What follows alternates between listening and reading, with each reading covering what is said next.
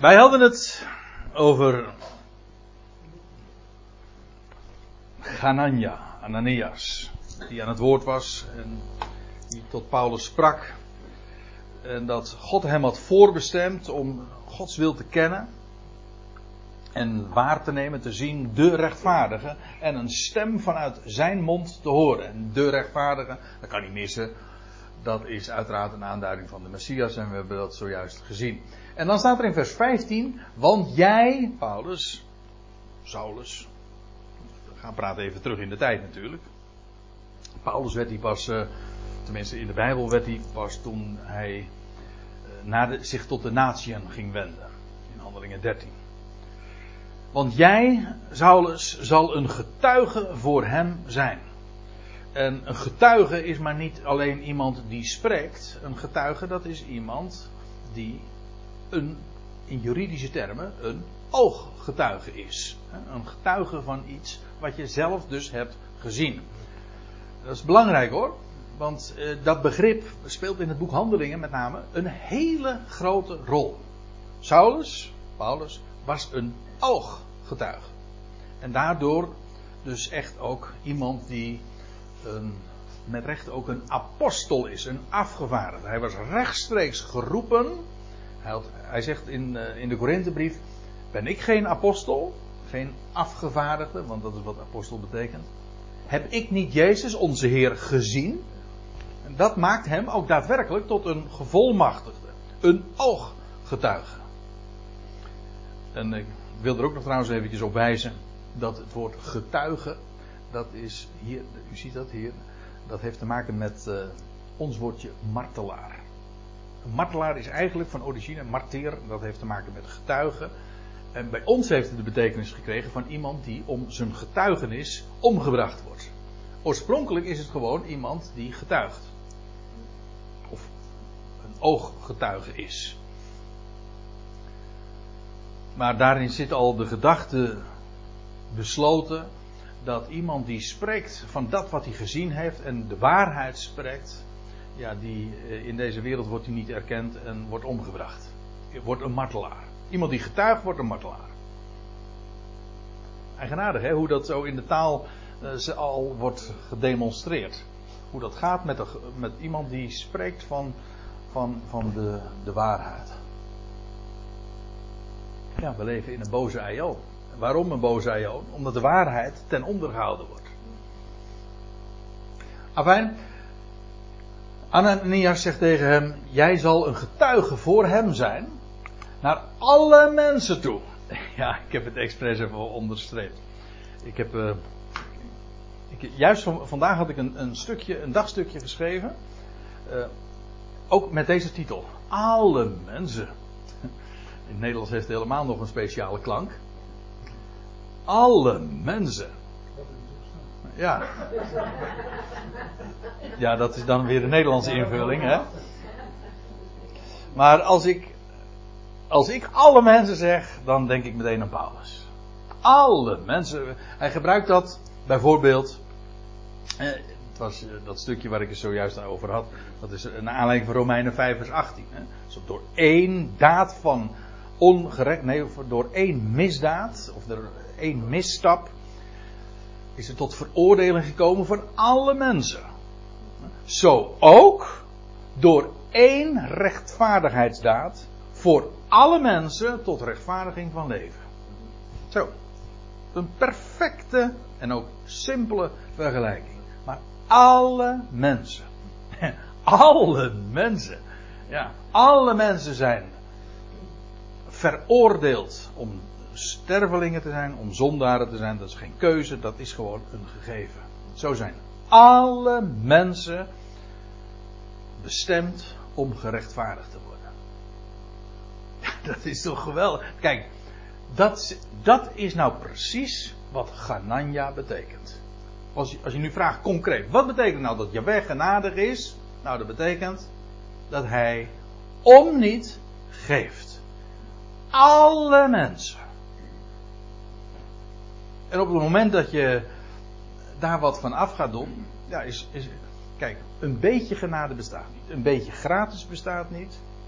Een beetje zwanger ook niet. Een beetje zwanger ook niet. Nee, het is. Heel goed. Ja, ja. Tot, u, tot u sprak een expert. Hè? Ja. Nee, een beetje zwanger bestaat niet. Een beetje gratis ook niet. Mensen bijna gratis. Ja, dat is, of dat is net zoiets als bijna geslaagd. Ben je dus gezakt, hè? Nee, het bestaat niet.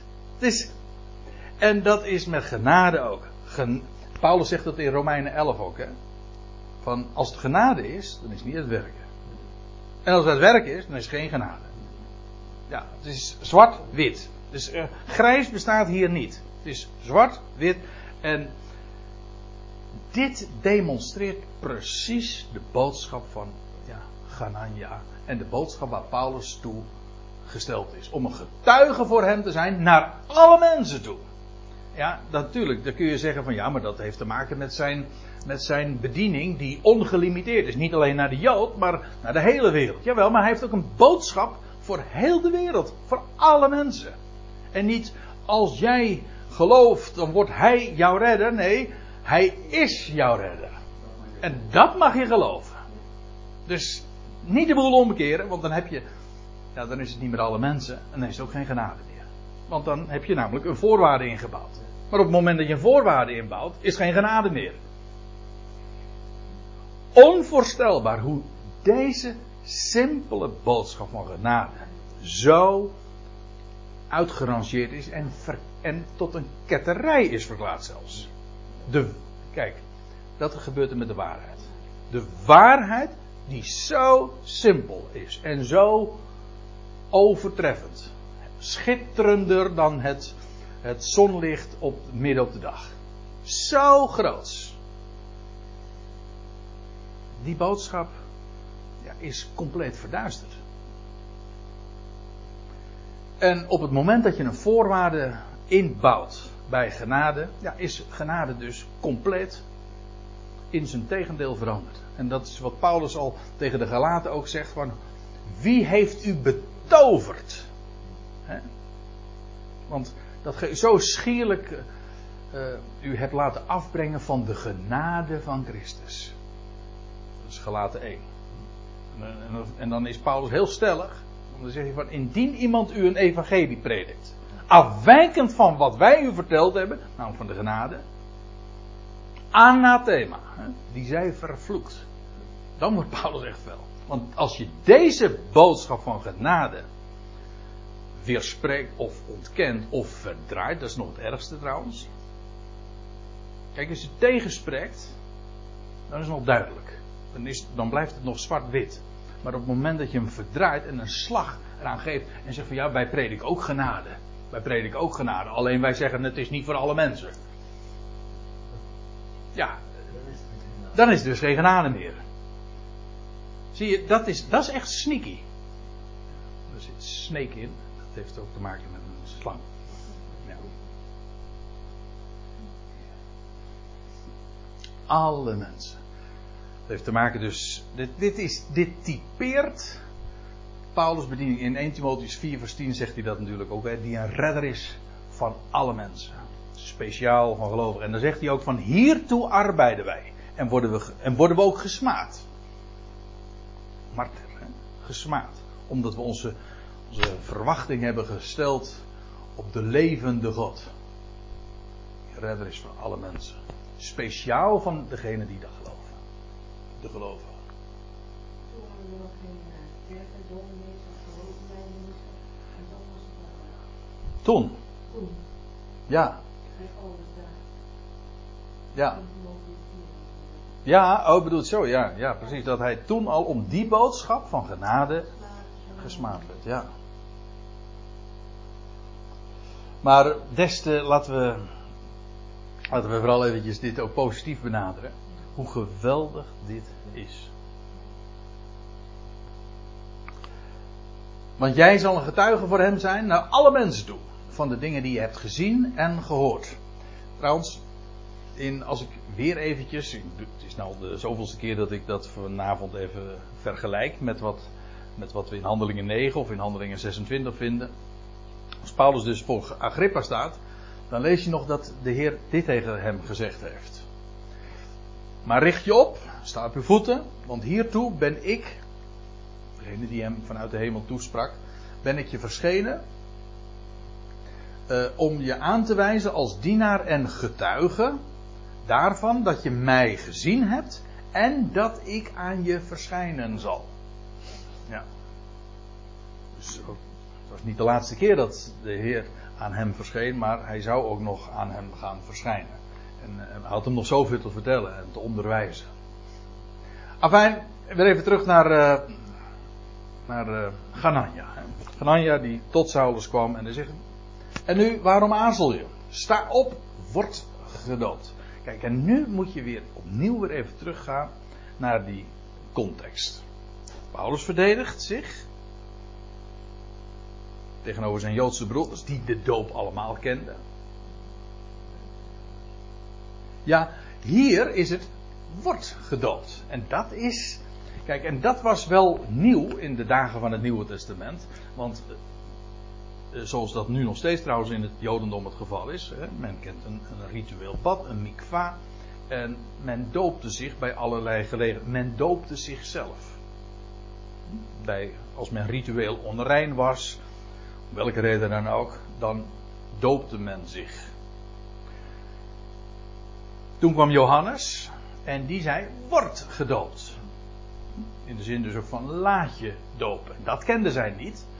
En, en nu de waterdoop, waarbij je wordt gedoopt, dat is, dat, is, dat is de doop van Johannes. En die Ananias, die zegt dat, wordt gedoopt. En die doop van Johannes, in hoofdstuk 1, vers 35 van het Johannes-evangelie, dan lees je dat Johannes dit zegt. Maar opdat hij, en dan gaat het over de Messias, die hij trouwens juist bij die gelegenheid ook zelf gedoopt heeft in de Jordaan, opdat hij aan Israël zou geopenbaard worden. Daarom kwam ik, Johannes, de doper, dopen in water. Dus dan zie je ook meteen wat de bedoeling was van, niet alleen van, van waterdoop, maar van Johannesdoop. Dat was, hij doopte daar in de Jordaan. Waarom in de Jordaan, dat doet nu even ook niet ter zake, maar dat heeft allemaal betekenis. Maar het heeft te maken met het feit dat de Messias aan Israël geopenbaard zou worden. Het is dus een Israëlitisch gebeuren, een Israëlitisch ritueel. Wel. Sta op, zegt Ganania tegen Paulus of Saulus, wordt gedoopt en wordt schoongewassen. Hier zie je trouwens ook weer dat het inderdaad een rituele wassing is. Wordt schoongewassen, zoals een, een Jood zich bij allerlei gelegenheden zich ritueel waste. Scho wordt schoongewassen van de zonde van je, terwijl je de naam van hem aanroept. Ik heb er hier even een verwijzing naar Hebreeën 6, vers 2.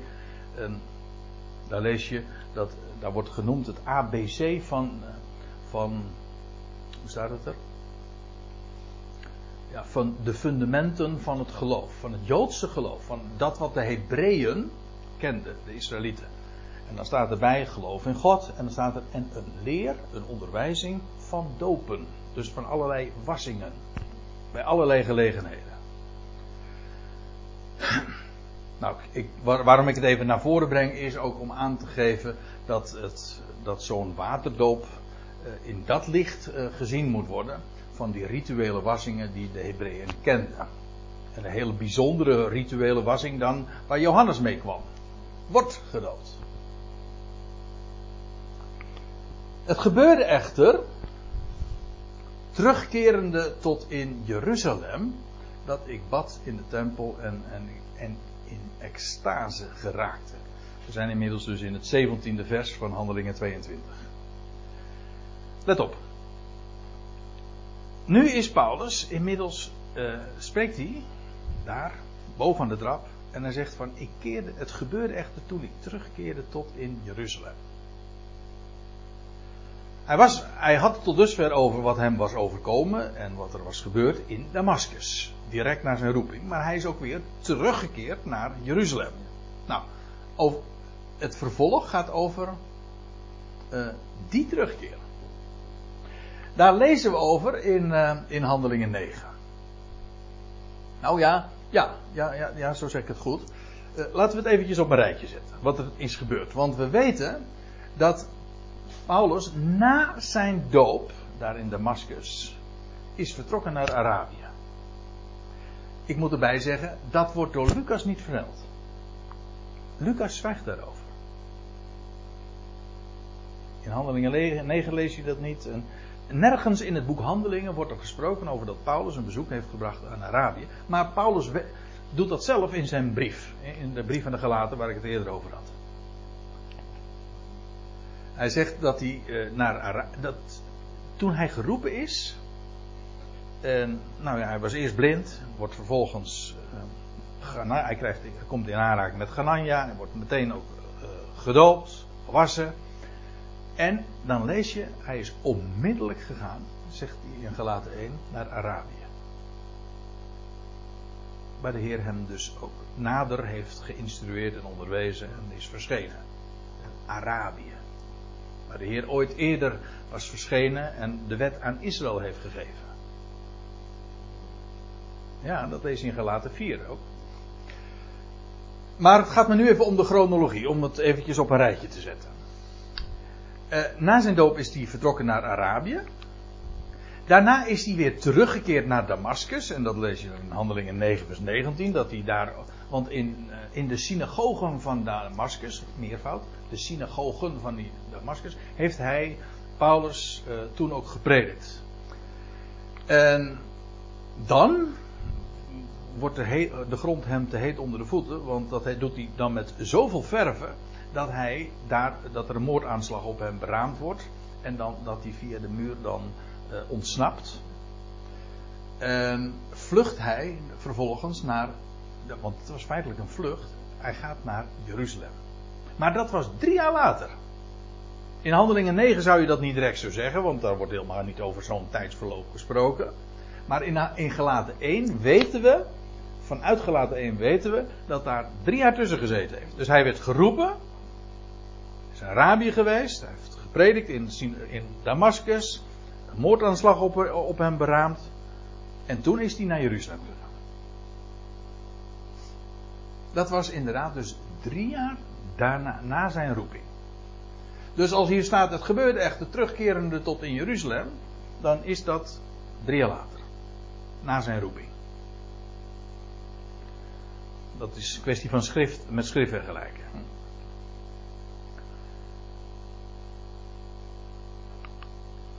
Het gebeurde echter, terugkerend tot in Jeruzalem, dat ik bad in de tempel. En in extase geraakte.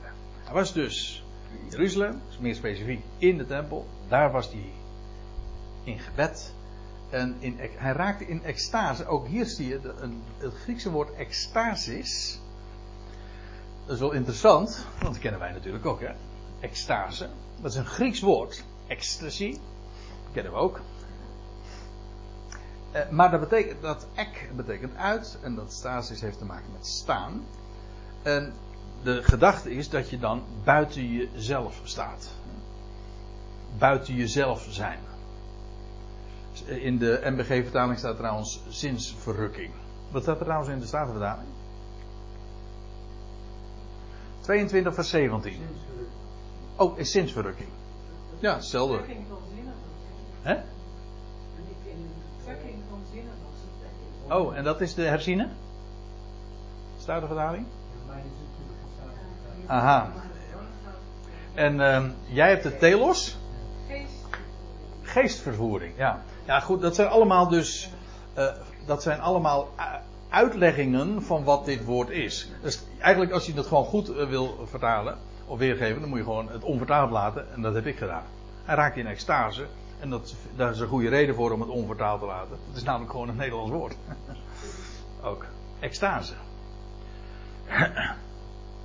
Ik moet er nou nooit bij zeggen, want je leest in 2 Korinthe 12 dat Paulus ook of, of het dezelfde gelegenheid is, is maar zeer de vraag. Het wordt soms beweerd. Maar ik denk het niet. Uh, maar het gaat me eventjes om dat dat ook een, een extase was. Want er staat er in 2 Korinther 12. Hij zegt, ik weet van een mens in Christus, 14 jaar geleden was het. Dat kan trouwens nooit deze gebeurtenis zijn, want dat was veel langer al geleden. 17, 18 jaar geleden. Zeg ik goed? Ja. Goed. Dat, daar gaat het maar even niet om. Maar het, hij zegt dan, hij zegt, ik weet van een mens, 14 jaar geleden, of het in het lichaam was, weet ik niet.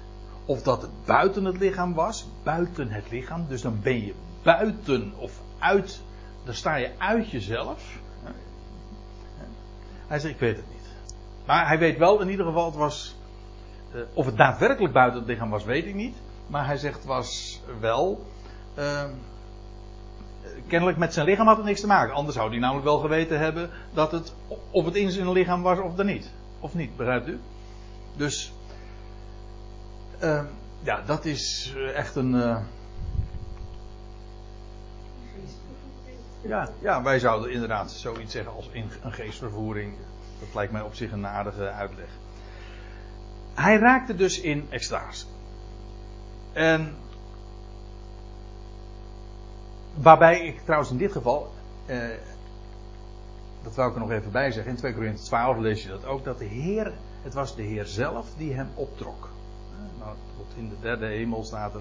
Toen heeft hij dingen gezien. En dat is hier opnieuw weer het geval, want het is de Heer die aan hem verschijnt. En dat ik in extase geraakte en hem waarnam, die tot mij zei: Haast je en kom snel uit Jeruzalem.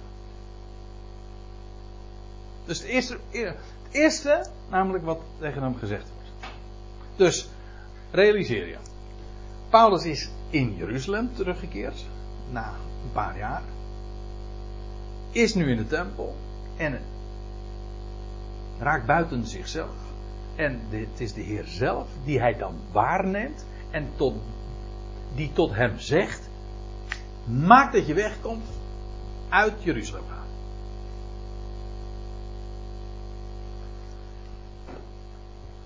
Waarom? Nou, dat wordt dan vertaald, of dat wordt dan verklaard, omdat zij namelijk van jou, of ook van jou, of zelfs van jou, geen getuigenverklaring omtrent mij zullen aannemen.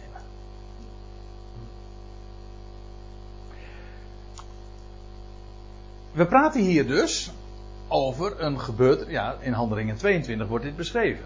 Maar Paulus blikt terug op een verblijf eerder in Jeruzalem, nadat hij geroepen was.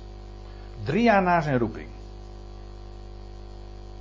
Toen al, in Handelingen 9, toen hij in Jeruzalem dus was, toen al is de Heer aan hem verschenen en toen al is het tegen hem gezegd: Wegwezen hier uit Jeruzalem, want ze zullen van jou geen getuigenverklaring omtrent mij aannemen. Ik zeg zelfs van jou dus niet. Van Petrus deden ze niet. Stefanus hadden ze kort tevoren, nou ja, een paar jaar eerder, pakweg drie jaar eerder, vermoord. Officieel, ik bedoel, het was door Jeruzalem gebeurd, door het Sanhedrin. Die hadden hem omgebracht. En nou, en nou wordt tegen Paulus gezegd: Jij, die fanatieke Jood, die in hetzelfde stramien liep als dat hele Sanhedrin, waar jij ooit een knechtje van was, zeg maar, een, een, een aspirant lid, min of meer. Ze zullen van jou geen getuigenverklaring omtrent mij aannemen. Ook van jou dus niet. Ook van jou niet. Het was dus, oh, tegen Paulus wordt dus al gezegd bij zijn eerste bezoek in Jeruzalem dat gaat hem niet worden. Jeruzalem zal mij niet aanvaarden. Zelfs niet als jij daarover gaat spreken.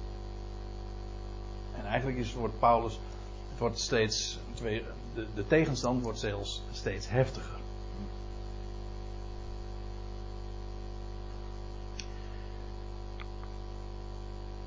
Ik Ik vind het heel belangrijk om eventjes je goed te realiseren wanneer dit tegen hem gezegd wordt. Dus al bij zijn eerste verblijf in Jeruzalem. Jeruzalem zou niet luisteren. En dan zegt Paulus, dat is een reactie. En ik zei, Heer, zij zijn zelf op de hoogte dat ik het was. Die degene die op u vertrouwde, in de cel zette en per synagoge afranselde. Dat deed hij eerst in Judea, in, in het vertrouwde gebied van het land zelf. En toen vervolgens, toen het daar gedaan was, ging hij naar het buitenland. Dus hij zegt, zij weten dat. Zij zijn zelf daarvan op de hoogte. Dus als er iemand is van wie ze het zouden aannemen. Dus Paulus heeft in eerste instantie, dat is wat zijn reactie vertolkt, hij heeft gedacht, nou, misschien voor Stefanus niet, maar nu voor mij zullen ze het wel aannemen. Nee, hij zegt voor jou ook niet. Dan begrijp je trouwens ook waarom Paulus altijd weerzin gehad heeft om naar Jeruzalem te gaan. Hij heeft namelijk, de Heer had hem al bij zijn eerste bezoek aan Jeruzalem verteld van, je bent hier niet veilig. Ze zullen jou, niet naar jou luisteren. Ook niet naar jou. Ondanks wat jij allemaal gedaan hebt. En Paulus uh, in zijn reactie vult dat nog eens een keertje aan. We hadden het er zojuist even overal. En toen het bloed, zegt Paulus dan, en toen het bloed werd vergoten van Stefanus, de getuige van u. Stefanus hoorde er ook bij. Maar hier wordt hij genoemd de getuige van u. Dat is mooi. Want uh, eigenlijk Stefanus is zelfs een kroongetuige. Waarom? Nou, ik zal het u uitleggen. Stefanus, dat betekent kroon. Kroon. Of krans. En waar spreekt Stefanus over? Stefanus spreekt over de verworpen Jezus, die door God is gesteld tot Heer en tot Christus. En verheerlijkt is, de koning is. Dus hij is met recht een kroongetuige. Ik bedoel, dus in de, in de dubbele zin van het woord. In twee dubbele zin van het woord. Een getuige van de kroon. Nou. En nou, die Stefanus, door wie wordt die door wie wordt hij gedood? Wel, laat ik het eventjes erbij lezen. Het, waren, het, het was het Sanhedrin. Dat wil zeggen, het officiële leiderschap, de, de leiding van het volk, de officiële vertegenwoordigers van het volk, die hebben deze Stefanus omgebracht. En er staat erbij, toen dat, of dat is wat Paulus nou tegen de Heer zegt. Heer, uh, toen het bloed werd vergoten van Stefanus, de getuige van u, stond ik er zelf ook goedkeurend bij. En ik bewaakte de, de bovenkleding, de mantels, van degene die hem uit de weg ruimde. Dus Stefanus was daar niet alleen maar getuige van. Stefanus heeft dat, of pardon, uh, Saulus heeft dat gesupport. Hij was zelf toen nog, je leest dat in Handelingen 7, hij was zelf toen nog een jonge man. Dus kennelijk nog niet ook, uh, had hij nog niet eens de leeftijd bereikt om daadwerkelijk in aanmerking te komen om in het Sanhedrin zelf zitting te nemen. Maar hij was al, daarom zei ik net al, een aspirantlid. Want hij, bracht, had het in het Jodendom verder geschopt dan vele van zijn tijdgenoten. Dus ja, dat was, hij was een man die het in, het in de godsdienstige wereld van die dagen eh, ver zou gaan schoppen. Veelbelovende, intelligente, jonge man. Opgeleid met de, uh, in, in, in de beste school en uh, met een geestdrift en een fanatisme waar, waar, waar iedereen een puntje aan kon, zuigen. Zo eentje was het. En toen het Sanhedrin die Stefanus ombracht, was hij daar niet, stond hij daar goedkeurend bij, goedkeurend bij en hij bewaakte de bovenkleding. Dat is mooi, als, ik daar even over, als je over typologisch daar ook over doordenkt, want de bovenkleding, de mantel, dat is in de Bijbel altijd een type van heerlijkheid. Dat is niet zo moeilijk. Hè? We zeggen ook kleren maken de man. Dat is iemands glorie. De mantel. Denk maar uh, Ja, wie, uh, wie denk je dan het eerste? Hè? Ja, maar ik bedoel ook een Bijbels voorbeeld. Dan denk je aan de geschiedenis van Jozef. Hè? De mantel van Jozef. De mantel van Elia, die dan weer overgaat. Elisa. Nou ja, eh, in ieder geval, dat is een demonstratie van, van glorie. Maar als, als je daar even over doordenkt, wat hier gebeurde toen Stefanus werd vermoord, het zijn bloed werd vergoten, dan lees je dat dus uh, de leden van het Sanhedrin, die leggen hun mantels, hun bovenkleding, hun heerlijkheid af. Israël ontdoet zich, de officiële vertegenwoordigers van het volk, ontdoet zich feitelijk van hun heerlijkheid, van hun glorie. Dat is wat er gebeurt. En, het is, en bij wie wordt dat neergelegd? Bij Saulus. Dus Israël doet, ontdoet zich van haar heerlijkheid. Nou, dat kun je wel zeggen. Op het moment dat zij de kroongetuigen vermoordt, ontdoet Israël zich van haar glorie. En bij wie komt die heerlijkheid dan terecht? Ja, dan is het Saulus die dat beheert en bewaakt. Ja, dat is weer een, een ander voorbeeld van mantelzorg. Hè?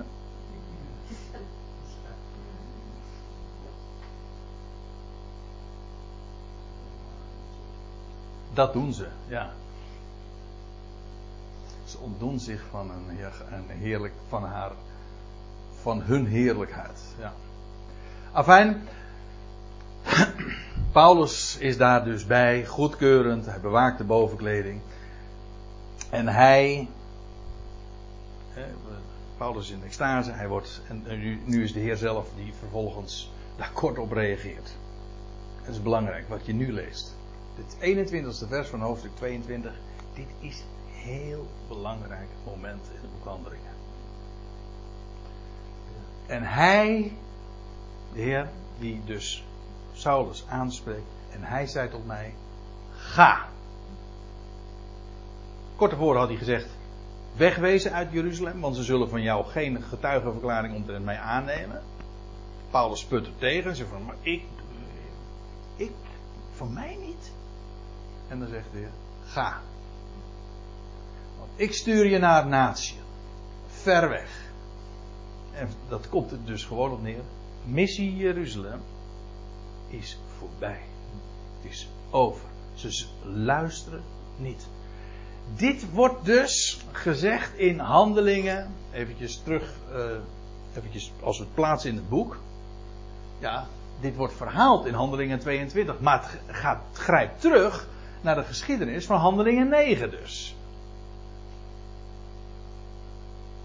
Saulus heeft vanaf het begin geweten, vanaf dit moment dat hij daar in Jeruzalem is, de Heer, of ze zullen de Heer niet aannemen.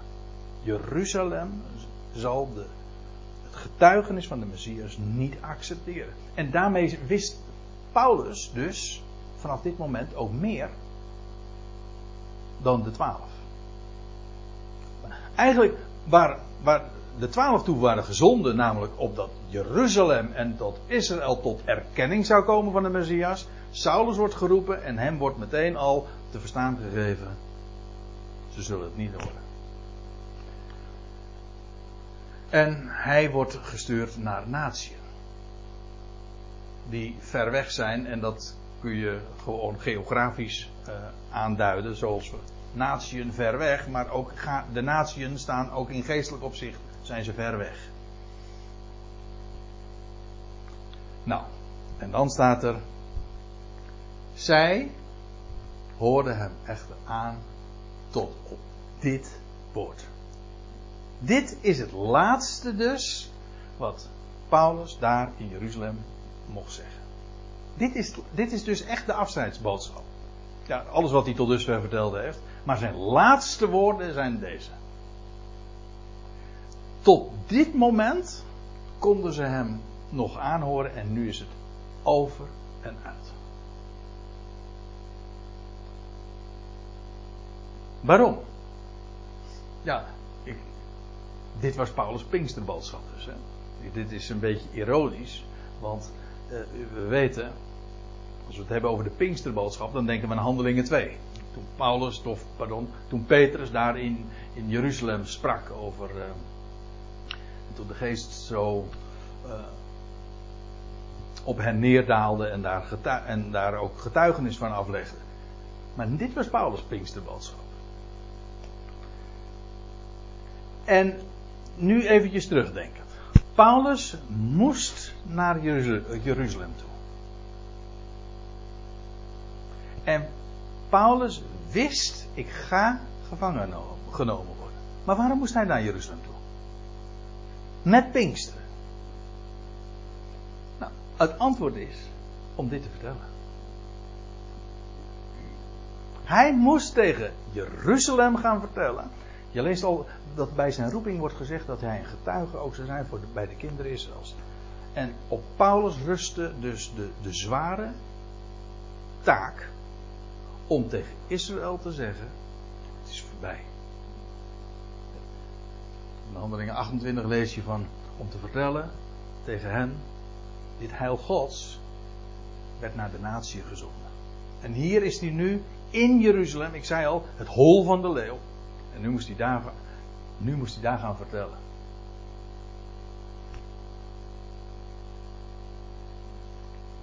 Jeruzalem luistert niet.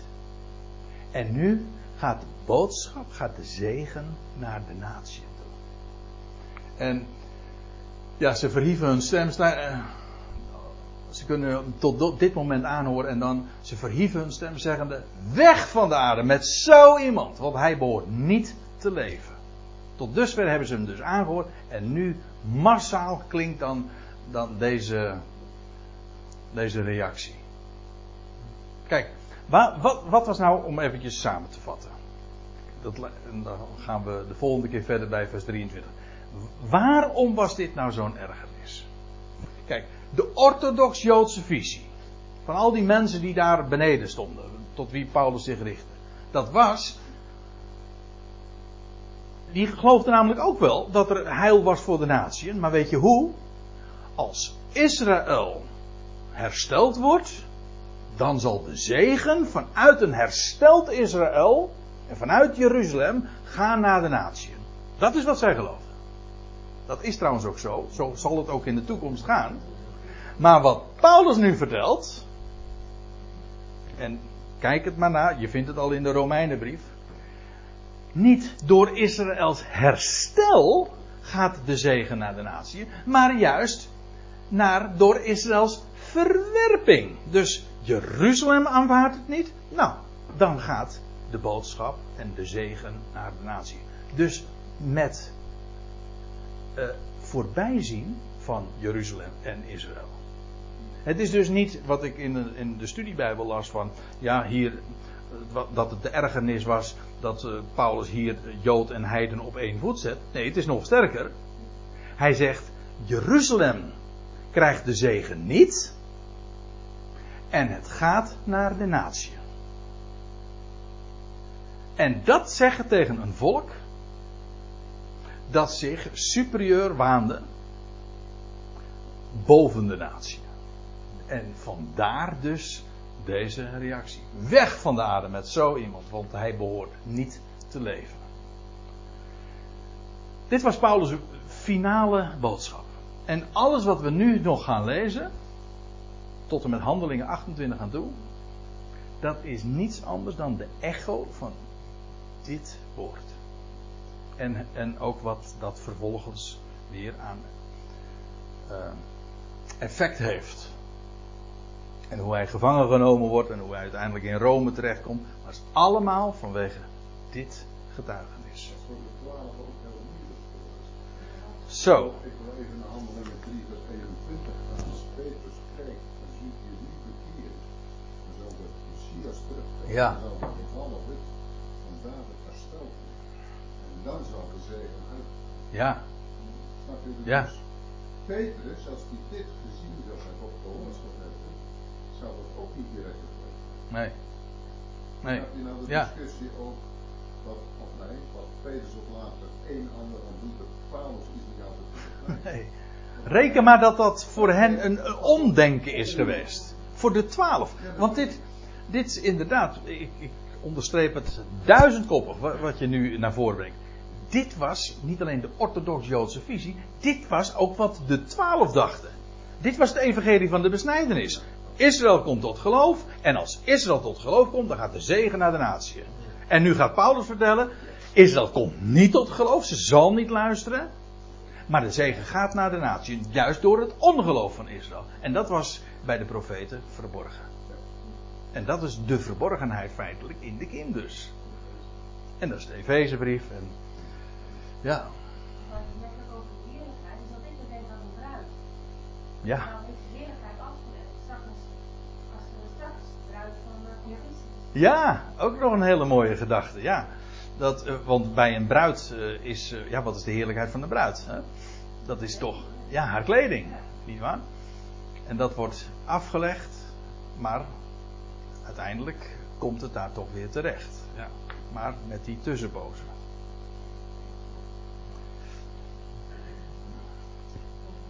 Ja,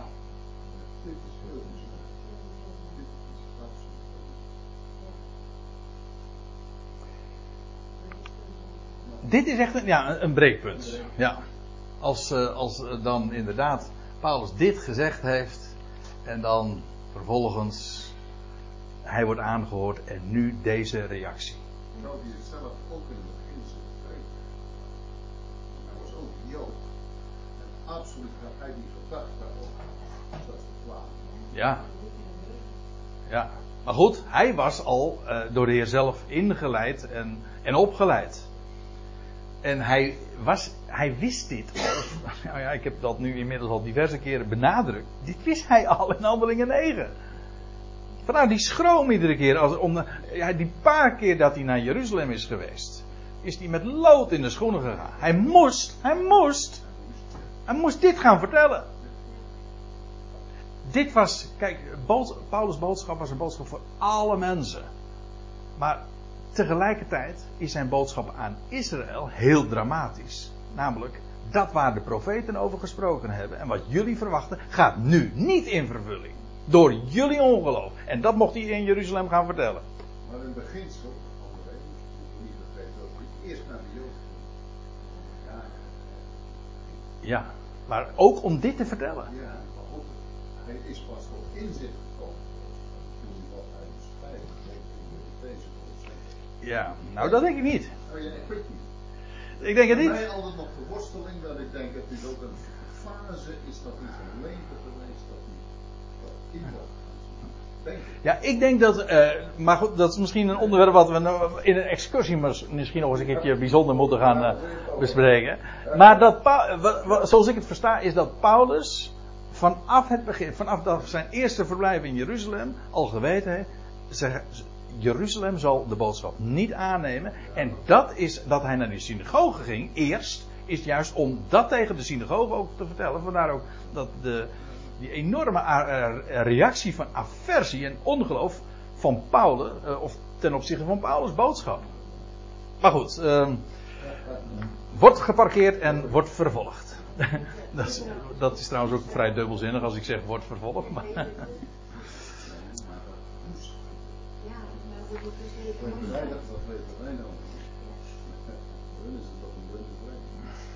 ja, met recht een blinde vlek. Ja. Zullen we het hierbij laten dan?